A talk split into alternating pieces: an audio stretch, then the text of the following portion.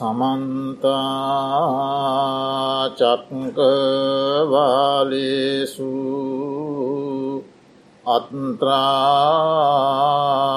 අත්‍රාගච්චන්තු දේවතා සද්දම්මං මුනිරාජස්ස සුනන්තු සග්ග මොක්කදං දම්මස් සවන කාලෝ අයං බදන්තා දම්මස් සවන කාලු අයං බදන්තා දම්මස් සවන කාලු අයං බදන්තා නමෝතස්ස භගවතු වරහතු සම්මා සම්බුද්දස්ස. නමෝතස්ස භගවතු අරතු සම්මා සම්බුද්දස්ස නමෝදස්ස භගවතු අරහතු සම්මා සම්බුද්දස්ස කාමේසු නාභිගිජ්ජෙය මනසානාවිලෝසියා කුසලෝ සබ්බ දම්මානං සතෝභික්කු පරිබ්බජේති.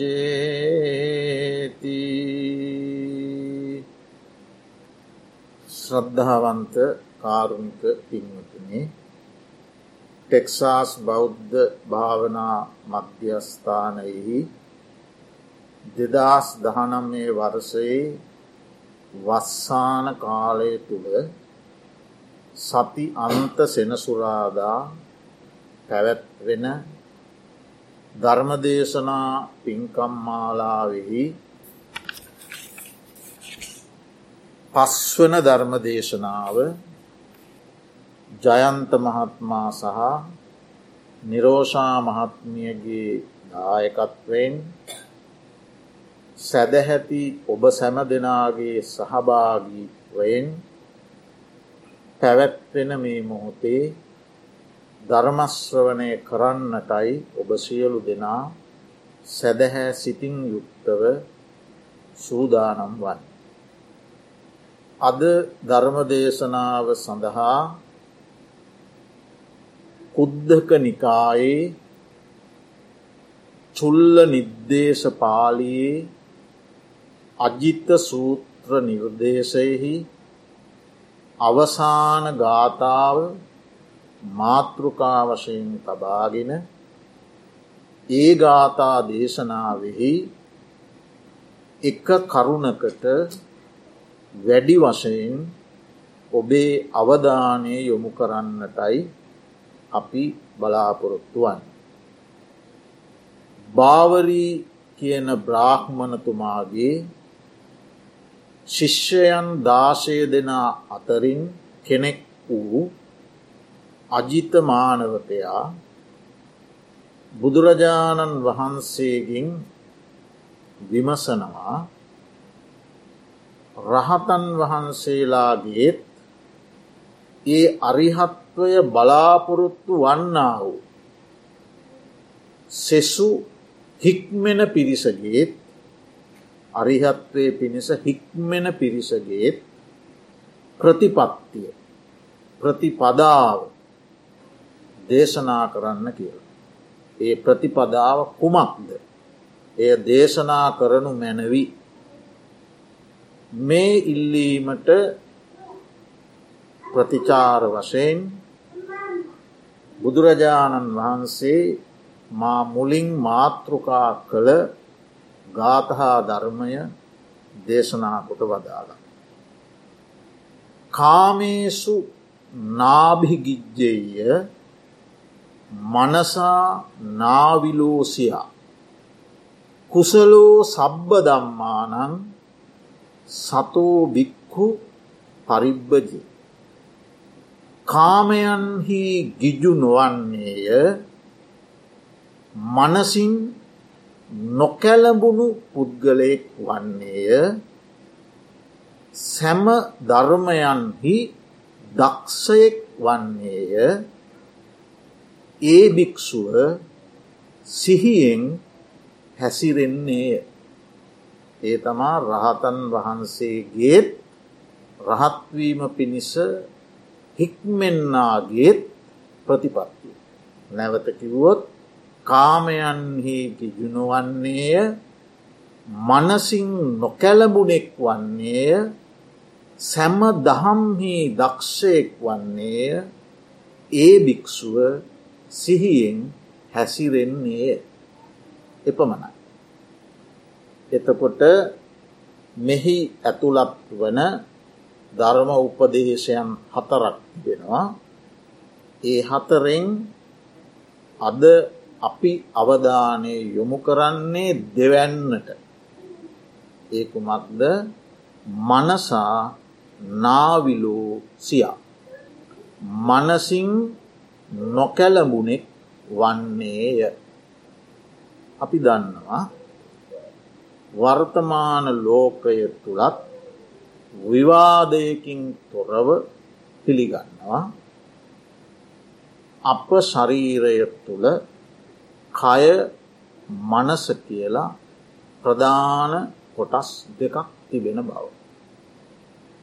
විටක මේ කයෙහි ක්‍රියාකාරීත්වය මනසේ ක්‍රියාකාරීත්වයට බලපෑමක් එල්ල කරන අතර විටක මනසේ ක්‍රියාකාරීත්වය කයි ක්‍රියාකාරීත්වයට බලපෑම් එල්ල කරන බව මේ විසියෙක් වන සිය වසේත් විශේෂ පිළිගැනීමකට සහ අවධානයකට යොමු වෙලා තිබෙන. මනස කයටත් කය මනසටත් බලපෑම් කරන්නට පුළුවන් කිය. ඒ පිළිබඳව වෛද්‍ය විද්‍යාත්මකවත් පිළිගන්නවා. සමහර විටක කායික රෝගවලට ප්‍රතිකාර පිණිස වෛද්‍ය මධ්‍යස්ථානයකට ගියාම ඒ වෛද්‍යවරු කායික රෝගයන්ට ප්‍රතිකාර කරන අතර තුර මනස නිරවුල්ව පවත්වා ගැනීම සඳහා උපදේශන ලබා දෙන ආකාරයකුත් දක්නට ලැබෙන. මානසික රෝගයන්ට ප්‍රතිකාර ලබා ගැනීමට ගිය විට බෙහෙත් පෙති කරල් දීමෙන් නතර නොවී මානසික උපදේශන ලබා දෙන ආකාරයකුත් දක්නට ලැබෙන. ඒ නිසා බුදුරජාණන් වහන්සේ අවුරුදු දෙදහස් පන්සිය හැටකට ආසන්න කාලයේදී දේශනා කළ මේ ඉගැන්වීම අදත් ජීවමාන ඉගැන්වීමක් බව අපි අවිවාදයෙන් පිළිගත යුතු වෙන. මොන ඉගැන්වීමද මනසෙහි නොකැල්ලබුණ බව ප්‍රසන්න බව ජීවිතයක පැවැත්මට අතිශයින්ම වැදගත් සාධකයක් කියන කා. ඒ නිසා අද අපි ඉගෙන ගන්නේ අන්න ඒ කාරණයයි. මීට අදාළව ධර්මයෙහි වචන කීපයක් කිය දෙනවා මනස නිරවුල්ල පවත්වා ගැනීම පිළිබඳව සහ මනස අවුල් සහගත තත්ත්වයට පත්වීම පිළිබඳව. ආවිලෝ මනසෙහි අප්‍රසන්න බව. ලුලිතෝ මනසෙහි කැලමුණු බව. කම්පිතෝ මනස කම්පා වූ ස්වභාව. බන්තෝ මනසෙහි ඇතිවෙන බ්‍රාන්ත බව බීතිමත් බව බන්තෝ කලලී භූතෝ මනසෙහි නිකං වතුර වලට මඩ මිශ්‍ර වුණා වගේ මනසෙහි ඇති වුණ අපහැදිලි බව. ඒ රිතෝ මනසේ ඇතිවන වෙසසින් විශේෂයෙන් කම්පනය වූ ස්වභාවය. ඒරිත. ගට්ටිත මනසේ ඇතිවුණ ගැටුණු ස්වභාවේ ගස්ටන ස්වභාවේ. ඔය වගේ වචන පෙලා නිර්දේශ ග්‍රන්ථවල දක්වෙනවා මේ ස්වභාව විස්තර කරන්න. දැන් මේ කිස්තුපූර්ව හයවෙනි සියවසේ උගන්නපු මේ කරුණු විසි එක් වන සියවට වසට කොච්චර ගැලපෙනවාද කියලා සිතීම ඔබට බාර. මේ මනසේ ස්වභාවය. එතකොට බුදුරජාණන් වහන්සේ මීට අදාළ දේශනා කීපයක් කරලා තිබෙන.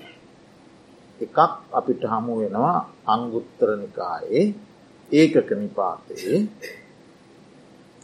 මහනෙන අප්‍රසන්න කැලඹුණු මඩ කලවන් වූ දියවිලක් තියෙන.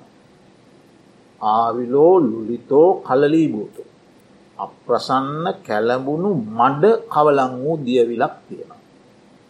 ඇස් ඇති පුරුසයෙක් ඒ දියවිලේ ඉවුරේ ඉන්නවා. දැන් මේ දියවිලේ සිප්පි බෙල්ලං කැට කැබිලිති සක් බෙල්ලං සහ මත්ස්‍ය වර්ගය. සිප්පි බෙල්ලෝ සක්බෙල්ලෝ කැටකැබලිති මත්ස්‍ය වර්ගය. මේ දියවිලේ හැසිරෙනවා සිටිනවා දෙකම තියෙනවා. සිටින මත්ස්‍යයෝ ඉන්නවා එක තැන ඒවගේම හැසිරෙන මත්ස්යෝයි.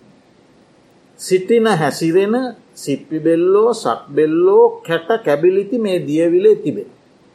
නමුත් මේ ඉවුරේ ඉන්න ඇස් ඇති මනුස්්‍යයාට මේ සිප්පි බෙල්ලො පේෙන්න්නෙත් නෑ සක්බෙල්ලො පේෙන්න්නෙත් නෑ කැටකැබිලිති පේෙන්න්නෙත් නෑ මත්ස්‍ය වර්ගයා පේෙන්න්නෙත් නෑ.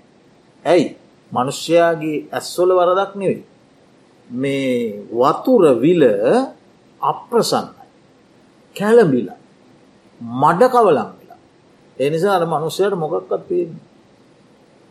ඒ වගේ මහනන යම් පුද්ගලයකුගේ සිත ආවිල ස්වභාවයට පත්වනු. එකන සිත කැලඹුණොත් යම් කෙනෙක්ගේ සිත කැලඹුණොත්.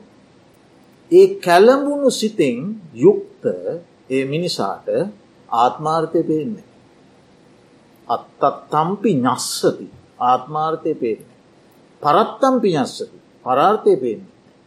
උභයත්තම්පී ඥස්සති ආත්මාර්ථ පරාර්ථ කියෙන උභය ආර්ථය මාර්ථ දෙකම පේන්නේ. උත්තරින්වා මනුස්ස දම්මං අලමරිය ඥාන දස්සන විශේෂං අධිගතං සච්චි කරිස්සසීති නේතන්ටානං විද්්‍යති. ඒ කියන්නේ මේ මනුෂ්‍ය ධර්මයෙන් ඔබ්බට ගිය ඉක්මවාගිය. මනුෂ්‍ය ධර්මය කියලා කියන්න මේ දස කුසල කරම එව මනුෂ්‍ය ධර්ම. අකුසල කර්ම කියන ඒව මනුෂ්‍ය ධර්ම නෙමේ. කුසල කර්ම කියන්නේ මනුෂ්‍ය ධර්ම.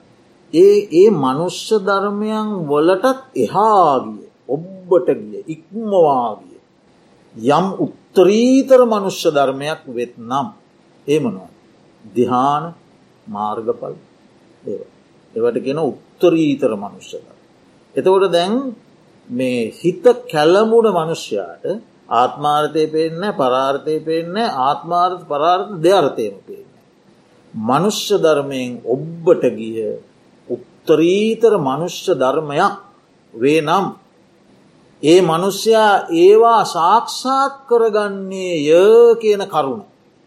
ඒ උත්තරීතර මනුෂ්‍ය ධර්ම සාක්ෂාත් කරගන්නවා කියන කාරණය නේතන්ටානං විද්්‍යතියක වෙන්ඩ පුළුවන් දෙයන්නේ. ඒ හොහොමටවත් වෙන්නේ නෑ. ඇයි ඒ මනුෂ්‍යයාගේ හිත කැලමිලා තියෙන නිසා. අන්න. එතකොට ඒක හරියට අර වතුර විලක් මඩ දිය වුණා වගේ තත්ත්වයක්. මොකුත් පේන්නේ.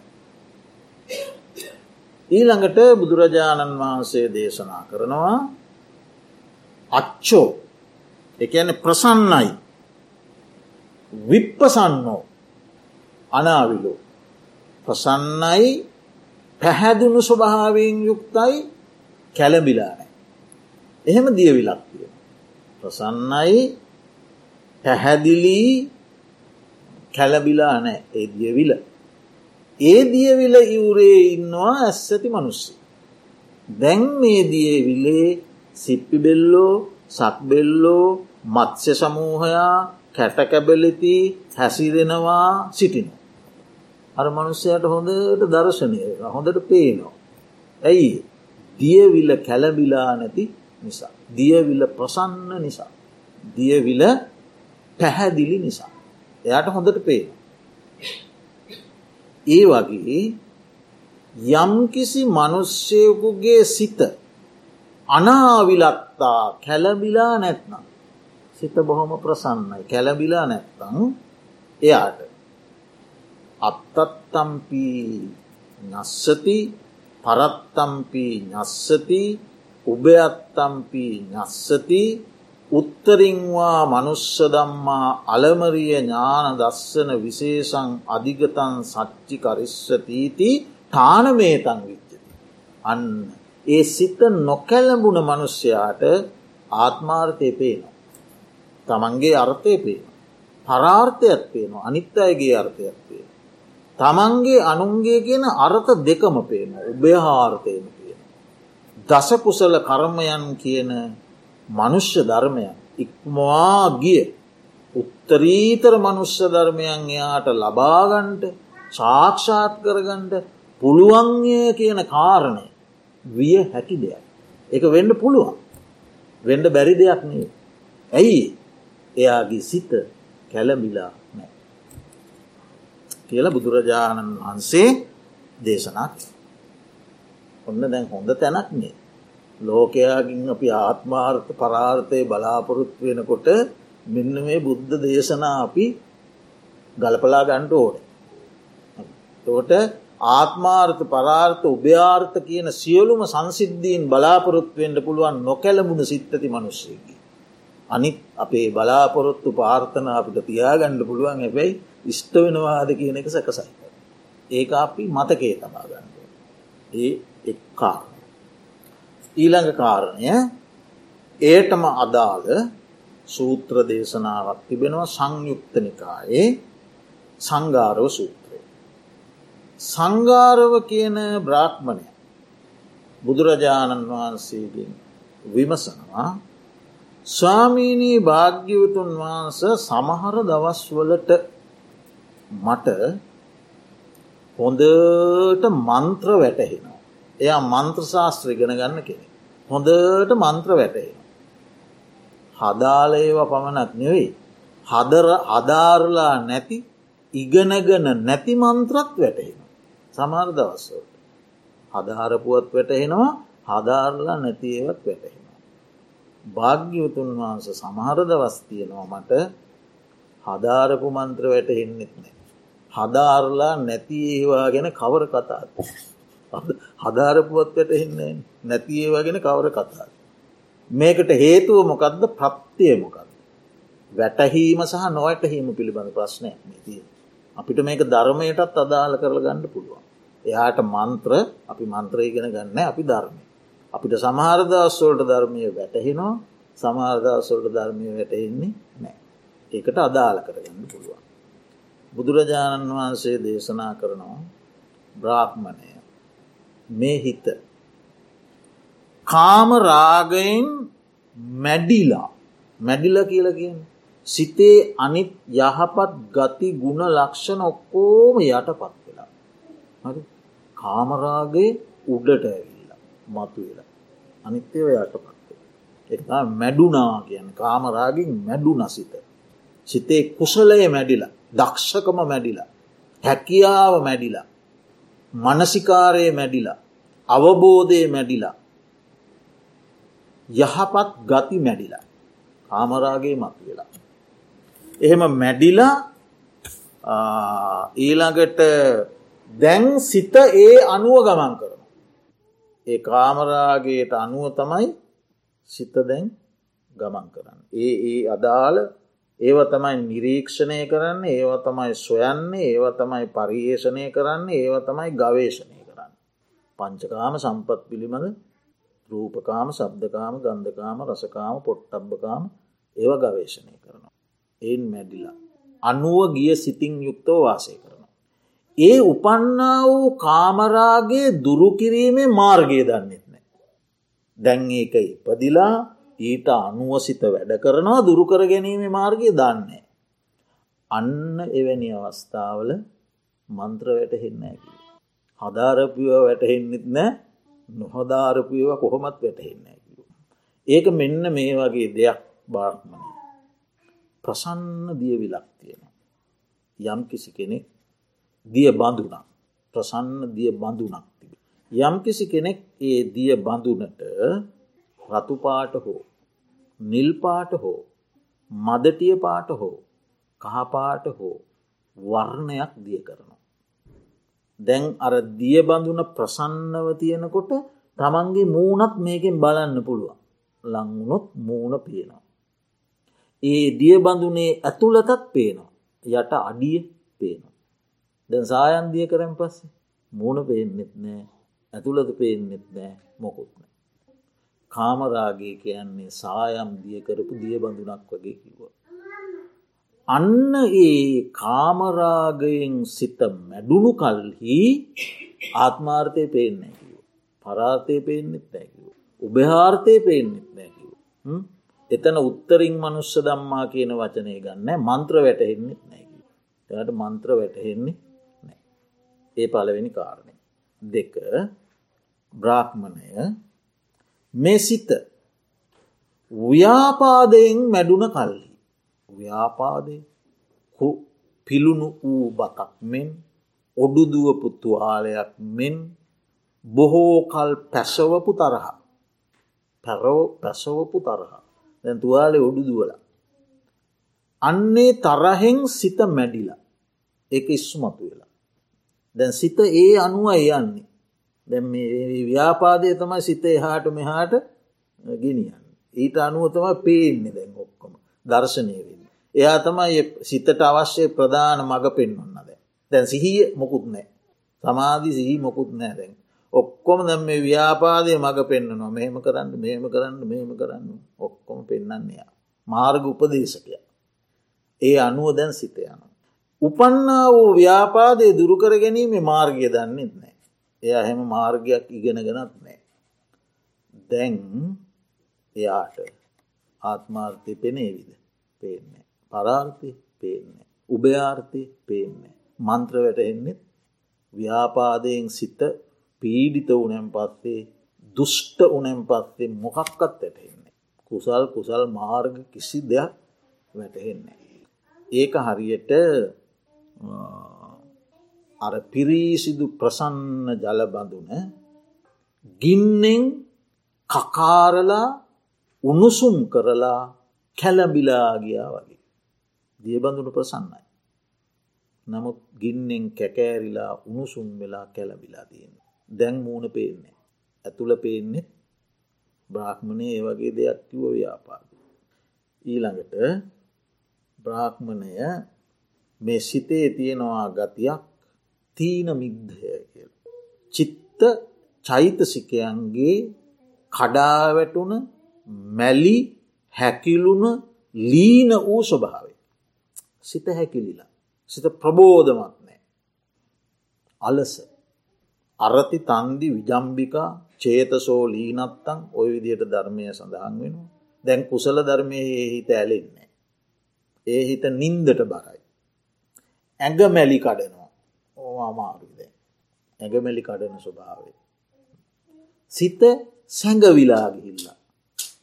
ප්‍රබෝධ වෙලාන සැඟවිලා. ලීන වෙලා හැකිලිලා. ඒ වගේම පමණට වැඩිය ආහාර අරගෙන දැන් ඇවිල්ල තියෙනවා නිකන් කඩා හැලුණු බවක්. පමණ දෙන ආහාර ගණ්ඩිගෙන්නේ එකයි. පමණට වැඩිය ගත්තගමන් කොන්ට්‍රෝල් නෑ පාලනයක් නෑ. ආන්නේ තීනමින්දයෙන් දැන් සිත මැඩිලා. දැන්ගේ තීනමිද්දයට අනුවගිය සිතක් තියෙන්නේ දැන් එයා හොයන්න ඇඳක්. දැන් එයාට මේ හරියන්න දැන් වෙන මොකුත් බෙහෙත් නෑ. ඊට අනුවන දැන් සිත දැන් එයා තමයි මාර්ග උපදේශකය. ඊට පස්සේ ඒ තීන මිද්දය දුරුකර ගැනීමේ මාර්ගයක් එයා දන්නෙත් නෑ. දැන් ඒ අවස්ථාවට පත්වනාම ආත්මාර්ථ පරාර්ථ උභයාර්ථ පේන්නේ නෑ. මන්ත්‍ර වැටහෙන්නෙත් නොහදාල ඒව කොහොමත් වැට. හදාල ඒවත් අමතක ඒව අර්ථ එන්න හිතට. ඒක හරියට මෙහෙම දෙයක්. අර ප්‍රසන්න වූ දිය බඳුනේ පාසි බැඳිලා. පාසිවලින් දිය බඳුන වැහිලා. දක්ෂයෙක්වුණොත් පාසිටික අරන්දා ගන්න හරි. එහෙම නැත්නම් අඩිය පේන්නෙත් නෑ මූුණ පේන්නෙත් නෑ ඊළඟට හතර බමුණ මේ සිතේ තිබෙනවා ස්වභාවයක් උද්දච්ච කුක්කුච්ච කියලා. ඒ කියන්නේ සිත වියලි අලුගොඩකට ගැසූ කලක මෙන් විසිරිලා. නානාරම්මණයන් කෙරේ සිත විසිරිලා. එක ආරම්මණයක පවත්වන්න බැසැලෙනව සිත විසිරිලා. නොකල කුසල් පිළිබඳවත් කළ අකුසල් පිළිබඳවත් හිසේ තියෙනවා පසු තැවිල්ලා. අහෝ මං මේ අකුසල් කලා නේද. අහෝ මට මේ කුසල් කරන්න බැරි වුණානේද. කියන පසු තැවිල්ලා. ඒ ස්වභාවෙන් යුක්තවීම හරියට අර දිය බඳුන සුළඟකින් කම්පිත වෙලා. ප්‍රසන්න දිය බඳුන සුළඟින් කම්පිත වෙලා රල නැගිලා කැළමිලා. දැන් පේන්නේ ඇතුලාන්තය හෝ මුහුණ පේන්නේ. ඒ වගේ මෙකී ස්වභාවයෙන් යුක්ත වූ කල මේ සිතට ආත්මාත් පරාර්ථ උභයාර්ථ පේනෙත් නෑ මන්ත්‍ර වැටහෙන්නෙත් නෑ අපිට ධර්මය වැටහෙන්නෙත් නෑ බමුණට මන්ත්‍ර අපිට ධර්ම වැටහෙන්න. ඊළඟට බමුණ මේ සිතේ තිබෙනවා ස්වභාවයක් විචිකිච්චාව සැකය බුද්ධාදී රත්නත්‍රය කෙරේ සැකේ වසයෙන් ගණ්ඩත් පුළුවන් දැම් මෙයා අහන්නේ මන්ත්‍ර වැටහීම පිළිබඳව කතාවක්න. ඒ නිසා අපි මෙතැන්දී ගමු එයා හදාරණ මන්ත්‍ර පිළිබඳව. සහ එයා කරන කාර්යය පිළිබඳව නිශ්චිත විශ්වාසයක් යට නෑ.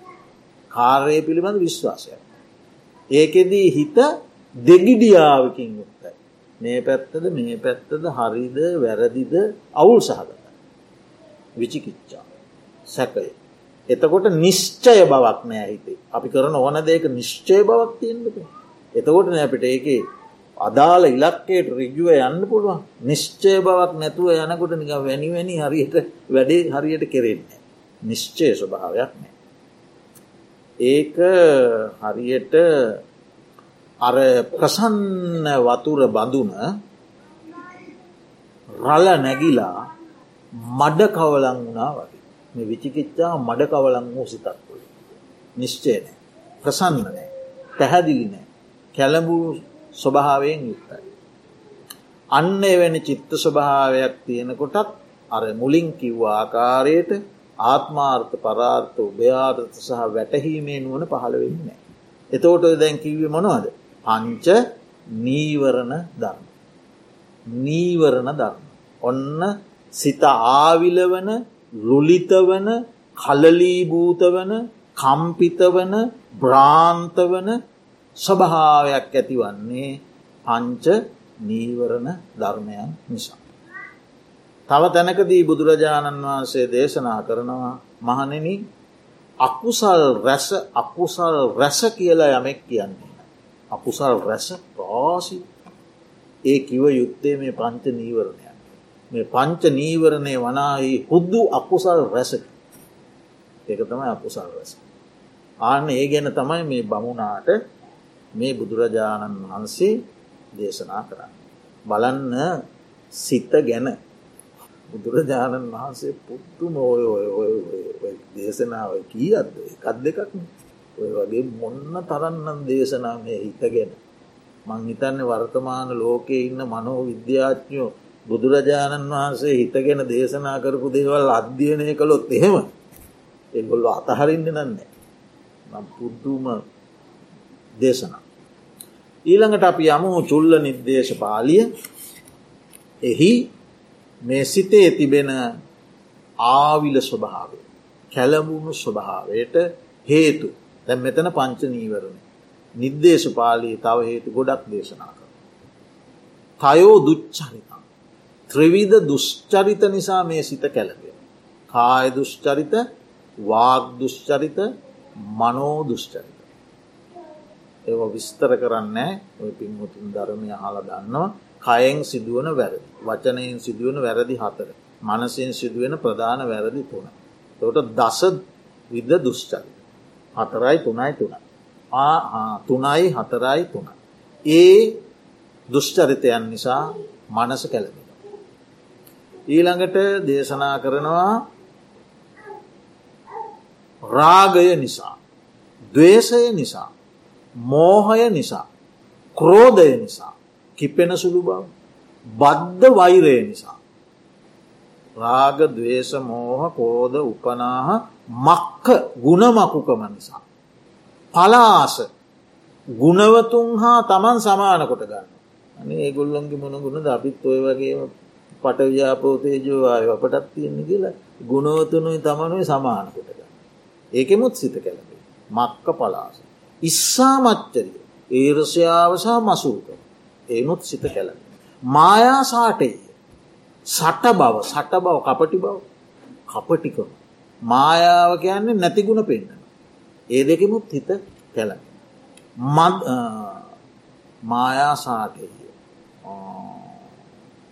මාන අතිමාන මාන්‍යය සහ අධිකමාන්‍ය ඒනුත් කැලප.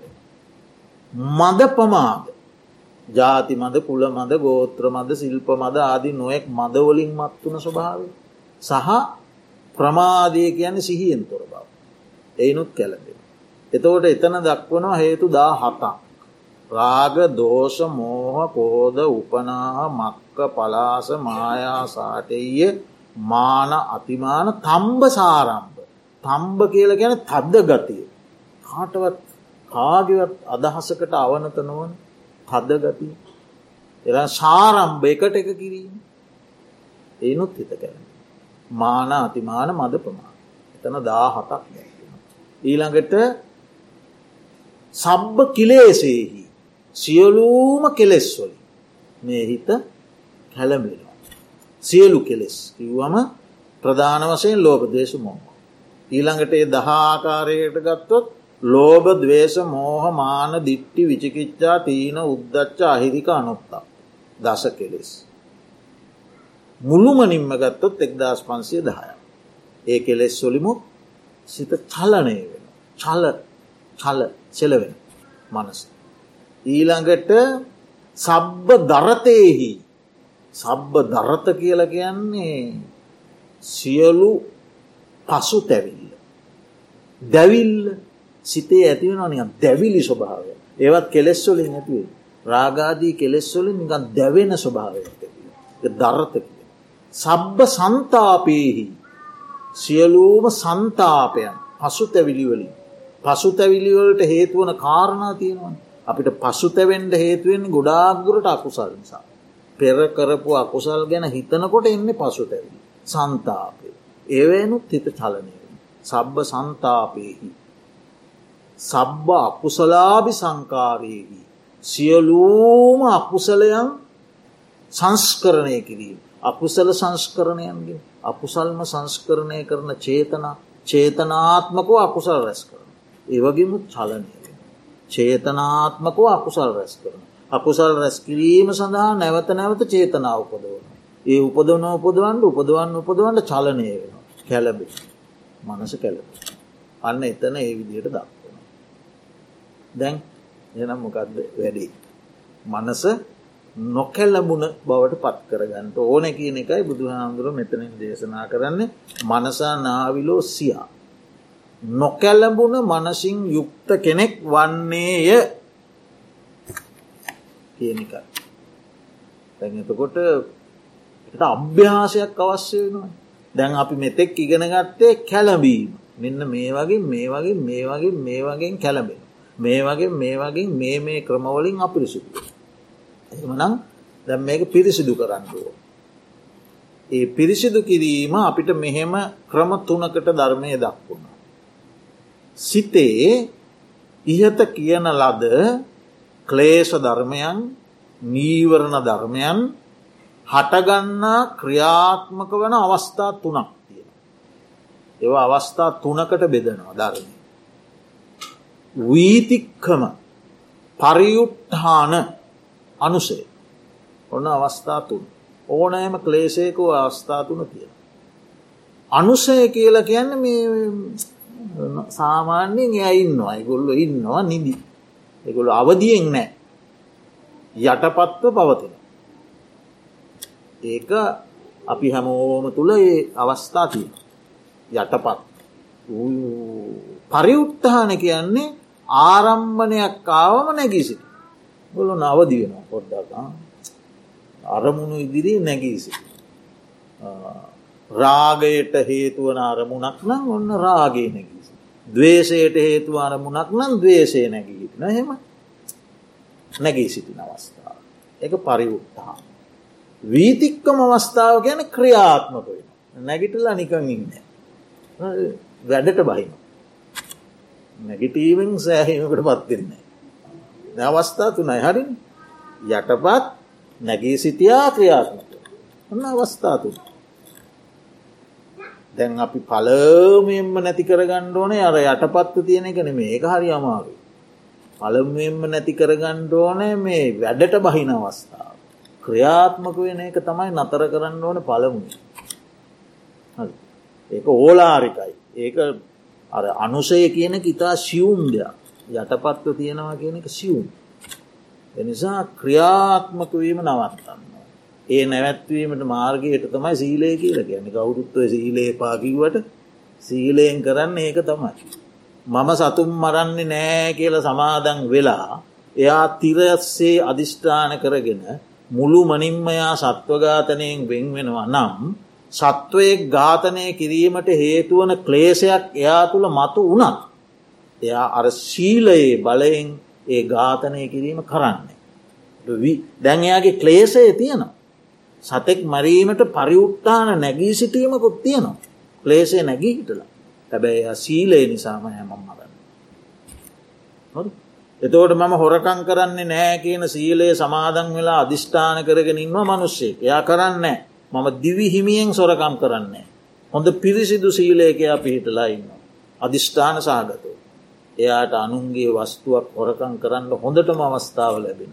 ක්ලේසයත් නැගී හිටිනවා ලෝබයත් නැගේ හිටල හොරකං කරපං කියලත් කියනවා.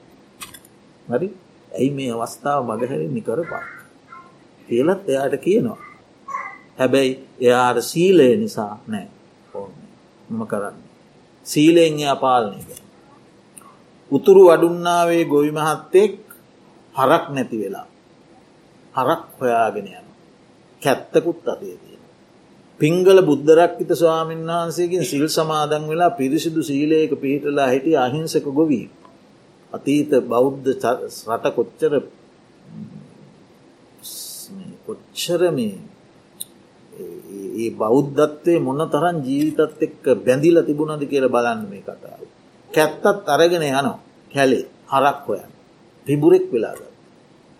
දැන් එයාගේ ජීවිත ආශාව අනුසේ වසයෙන් තියෙනවා යට තමන්ගේ ජීවිතයට ආශාවතිය. එතකොට පිඹුරා වෙලා ගැනීමෙන් ඇතිවෙන දවේශ සහගතයක් දැන් නැගිටලාර යටපත්ව තිබුණ දවේශය දැන් පරිඋත්හාන වෙලා නැගිටලා දැතිී. මෙහෙන් ජීවිත ආසාාවතිය නො මෙහෙම පිබුරා කරේ තරහතියෙන් ඒවා නැගිටලා කෙලේශය. කැත්ත අතේතිය.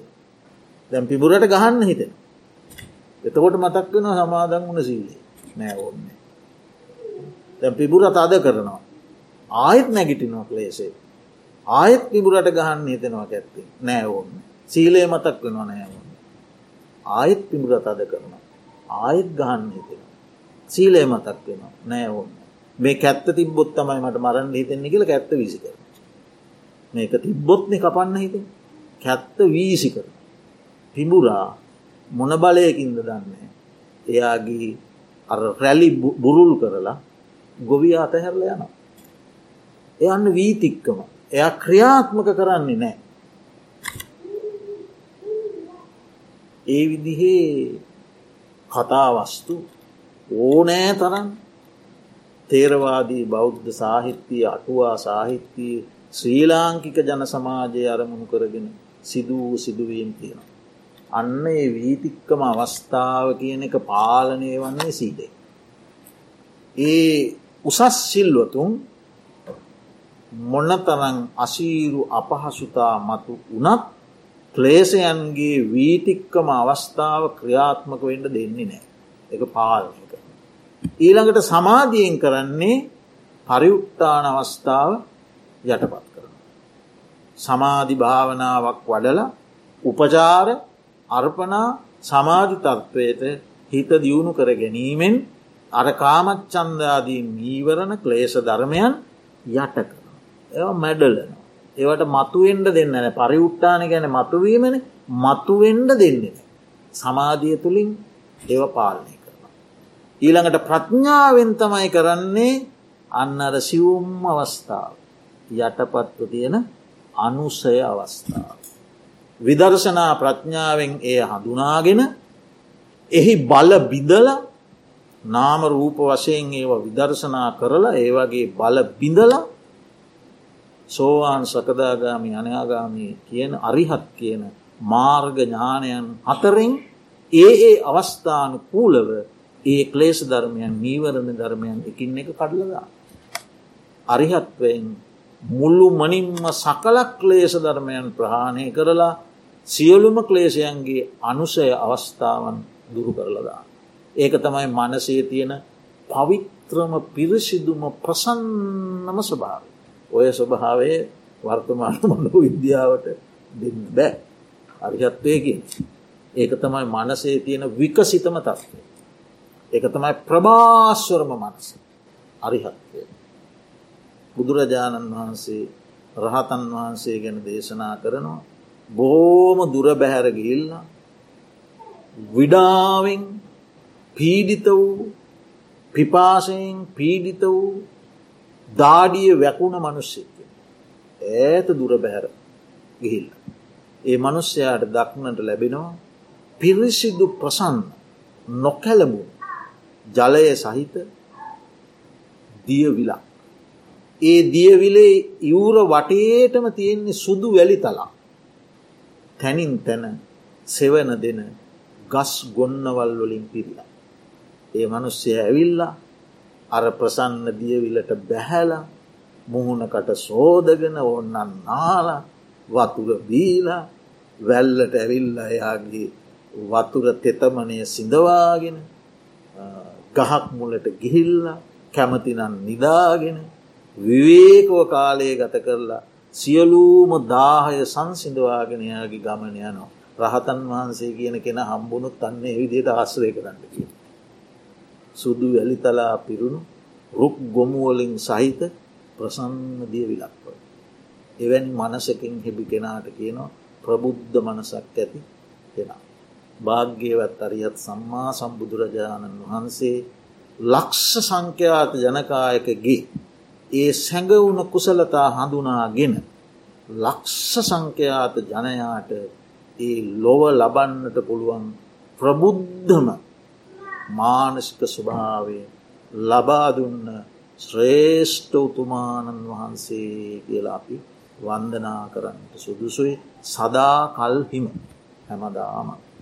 ඒ නිසා අපි අතීත ඉගැන්වීම් මෙන්ම වර්තමාන ලෝකයේ පිළිගැනීමටත් අනුව මේ මනසත් මේ කයත් එකින් එකට ප්‍රත්තිය වෙමින් එකින් එකේ පැවැත්ම සඳහා හේතු උපකාර වෙමින් යන මූල සාධක දෙක.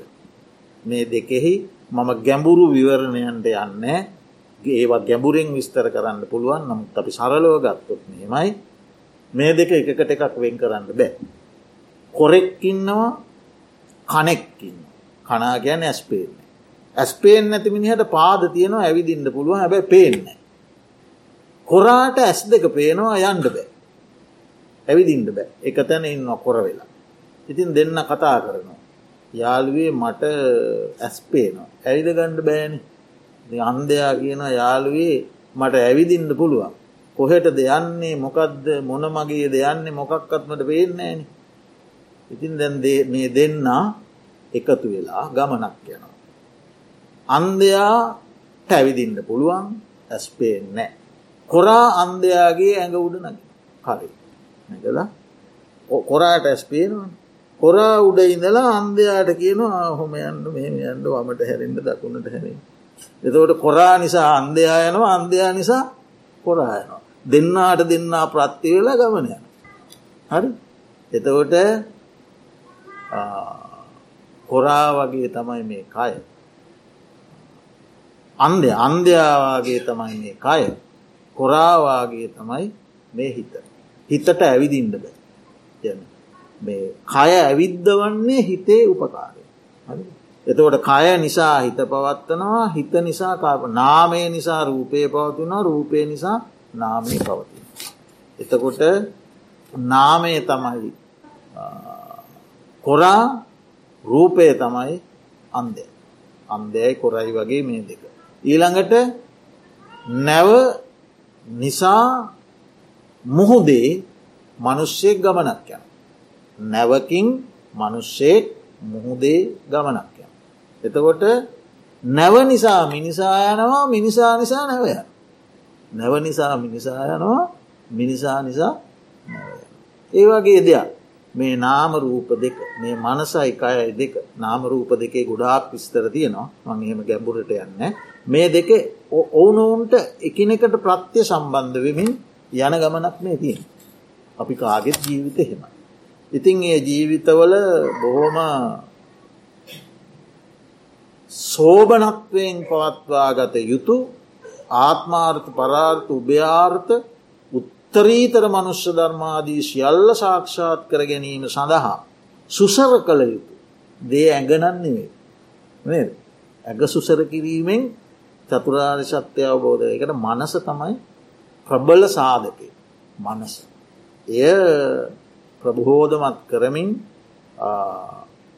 නැගී සිටවිය යුතු අවස්ථාවල නැගී සිටුවමින් විශ්වාසය දිය යුතු අවස්ථාවල විශ්වාසය දෙමින් අරමුණෙහි ඔසවා තැබිය යුතු අවස්ථාවල ඔසවා තබමින් අරමුණෙහි එකඟ කළ යුතු අවස්ථාවල එකඟ කරමින් අරමුණෙහි සමතුලිත කළ යුතු අවස්ථාවල එහෙට මෙහෙට මෙහෙම වැටෙන්ඩ නොදී සමතුලිත කරමින් මේ සිත මනාව ක්‍රමවත්ව බුදුරජාණන් වහන්සේගේ දේශනා අනුව ඉදිරියට ගෙන ගියොත් ඒම තමයි විමුක්ති මාර්ගයට අවශ්‍යය කරන සාධක. ති ඒක පිළිබඳ තව දේශනා කළ යුතු මනස පිළිබඳව බොහෝ ධර්ම කරුණු බොහෝ සූත්‍ර දේශනා තිබෙන නමුත් අපි මේ වෙලාවේ තේරුම් ගත යුතුයි මේ මනස පිළිබඳව භාග්‍යවතුන් වහන්සේ මේ මේ ආකාරයෙන් දේශනා කරලා තියෙනවා. ඉතින් අපිත් මේ කරන්න වූ ක්‍රියාවන් දාන ශීල භාවනාදී ක්‍රියාවන් ඒ මනසේ පවිත්‍රත්වය සඳහා උපකාර වන ධර්මතාවයන්ව කියන එකත් තේරුම් ගනිමින් ඒ සඳහා ප්‍රධාන වශයෙන්ම රිජ්ජුවම උපකාර වන්නේ භාවනාව සමත විදර්ශනා. කියන එකත් සිහිපත් කරමින් අද ධර්ම දේශනාවේ දායකත්වය දරන ජයන්ත මහත්මාසා නිරෝසා මහත්මියටත් පුංචි පුතනුවන්ට සහ තියනියටත් පවුල්වලට සම්බන්ධ මව් දෙමවපියන් ඇතුළු සහෝදර සහෝදරියන් ඇතුළු සියලූම ඥාතිහිත ඇසීන්ටත් නිදුක් නිරෝගී සුවපත් භාවය දිගාසිරි සම්පත් ලැබේවා. කුසල දහම් සම්පාධනය කර ගැනීමට අවශ්‍ය කරන්න වූ කායික මානසික ධෛර්ය ශක්තිය නිරන්තරයෙන්ම සැලසෙත්වා. පාර්ථනීය බෝධයකින් අමානිවනින් සැනසුම පිණිස හේතුවාසනාවෙත්වා කියල පාර්ථනා කරන අතර ධර්මශ්‍රවණය කලා වූ ඔබ සියලු දෙනාටමත් මේ සියලු පින්කම් මෙලව පරලොව සැනසුම පිණිස හේතුවාසනාවෙත්වා නිදුක් නිරෝගී සුවපත් භාවය සැලසිත්වා. පැමිණ ඇති පැමිණෙන්න්නට ඇති අපල උපද්‍රව කරමදෝෂ අතුරුවන්තරා මාර්කබාධක වෙත්නම් ඒ සියල්ල හිරුදුටු ගනාදුරක්ෂයෙන් විහත විද්වංශනය වෙත්වා.